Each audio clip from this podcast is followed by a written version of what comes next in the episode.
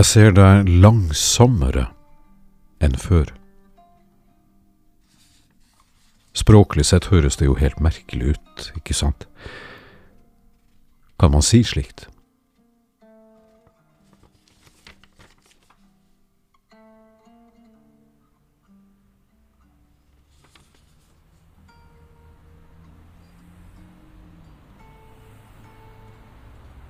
Da vi streifa gatelangs, så fikla jeg med håret ditt mot kåpekragen din. Jeg husker ikke fargen på den kåpa, men det er ikke det viktige. Det viktigste var følelsen av håret ditt som brant som et bål og vaia som strandgress. Og jeg så det så fort for jeg ville huske. Nå ser jeg det langsommere og bedre. Kan man egentlig si slikt?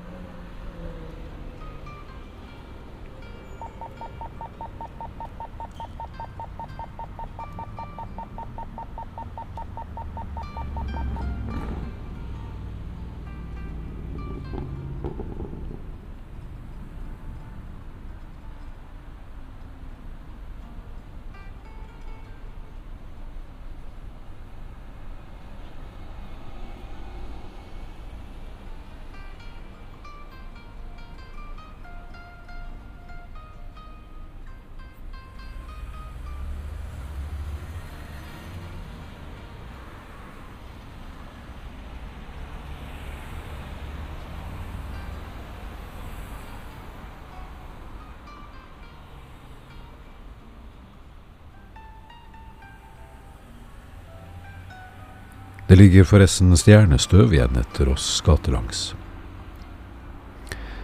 Å, det stjernestøvet.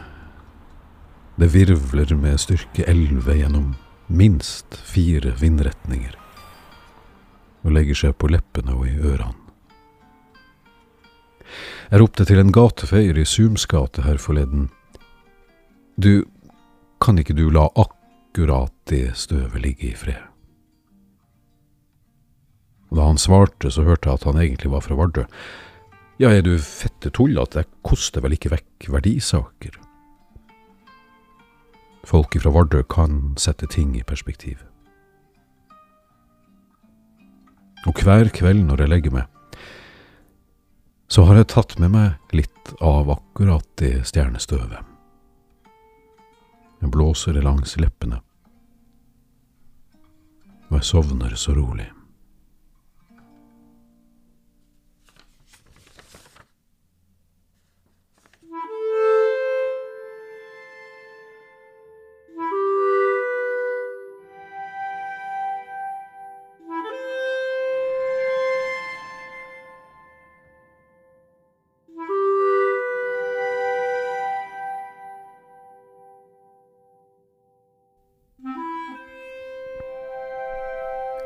De sier at jeg driver og finner på sånne her fabelgreier.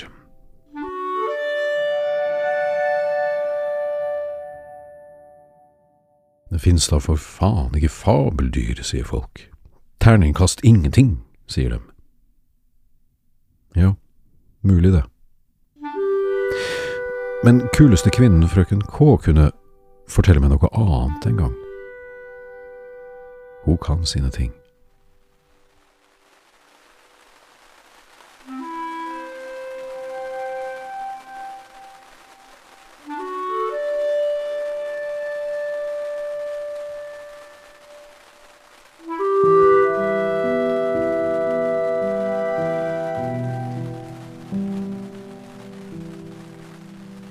Hun kunne fortelle at det finnes drømmer, og hun hadde stjernepulver i lommene da hun fortalte at hun hadde sett to fabeldyr. De sto i utkanten av en skog, ved et vann, og de fikk øye på hverandre, men begge to var så sjenert at de ikke turte å si et ord. Og dette vet jeg, fortsatte frøken K. For jeg var nemlig ett av dem.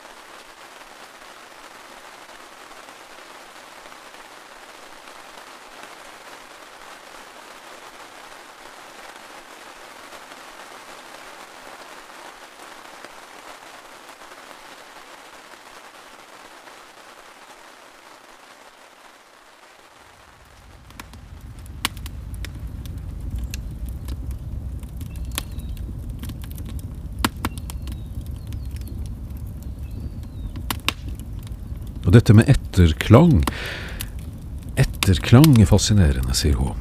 Ja, svarer jeg. Du, hvordan måler man egentlig etterklang? Jo, sier jeg, dette måler man i millisekunder som etter hvert går over i sekunder. Etterklang består av to deler. Først såkalt pre-delay, som bestemmer farten, og deretter det som heter decay time, som bestemmer selve etterklangen. Hvis jeg for eksempel kysser deg med 20 000 millisekunders etterklang, som er 20 sekunder,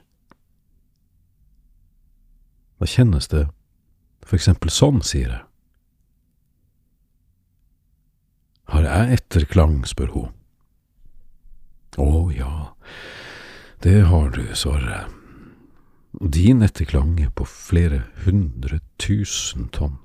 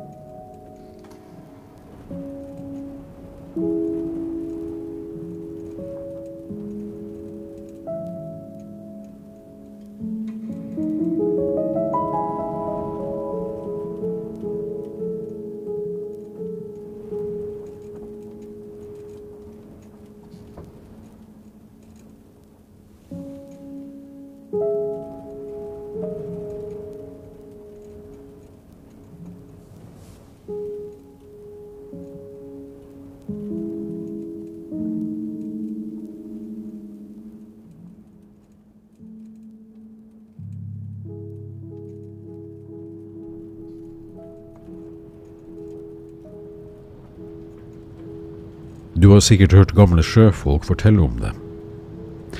Forlatte skip som seiler alene på havene, og ingen er om bord.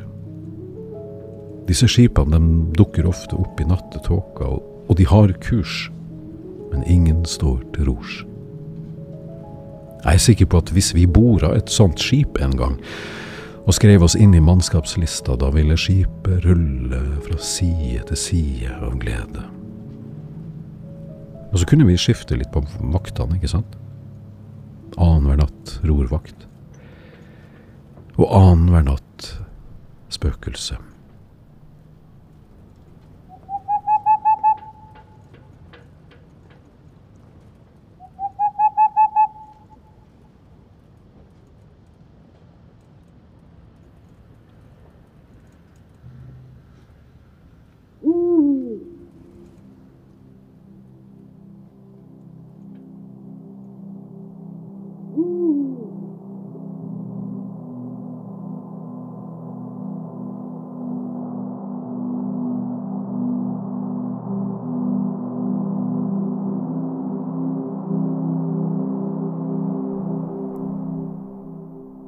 Nå gikk det en engel gjennom landskapet foran oss, tenkte jeg, og holdt deg tettere. Englene kjenner sin besøkelsestid, vet du. På seine ettermiddager, da ser dem hvor det bærer hen. Da kommer de ned fra tidens begynnelse og har med seg stjernepulver som de strør foran villhjerter og farende fanter, slik at de skal finne veien. Og den veien, den kan være ganske lang. Veien måles både i tid og målenheter og hastigheter som fortsatt ikke er funnet opp. Men klarer du bare å se stjernepulveret som ligger strødd og viser vei, da er mye allerede gjort.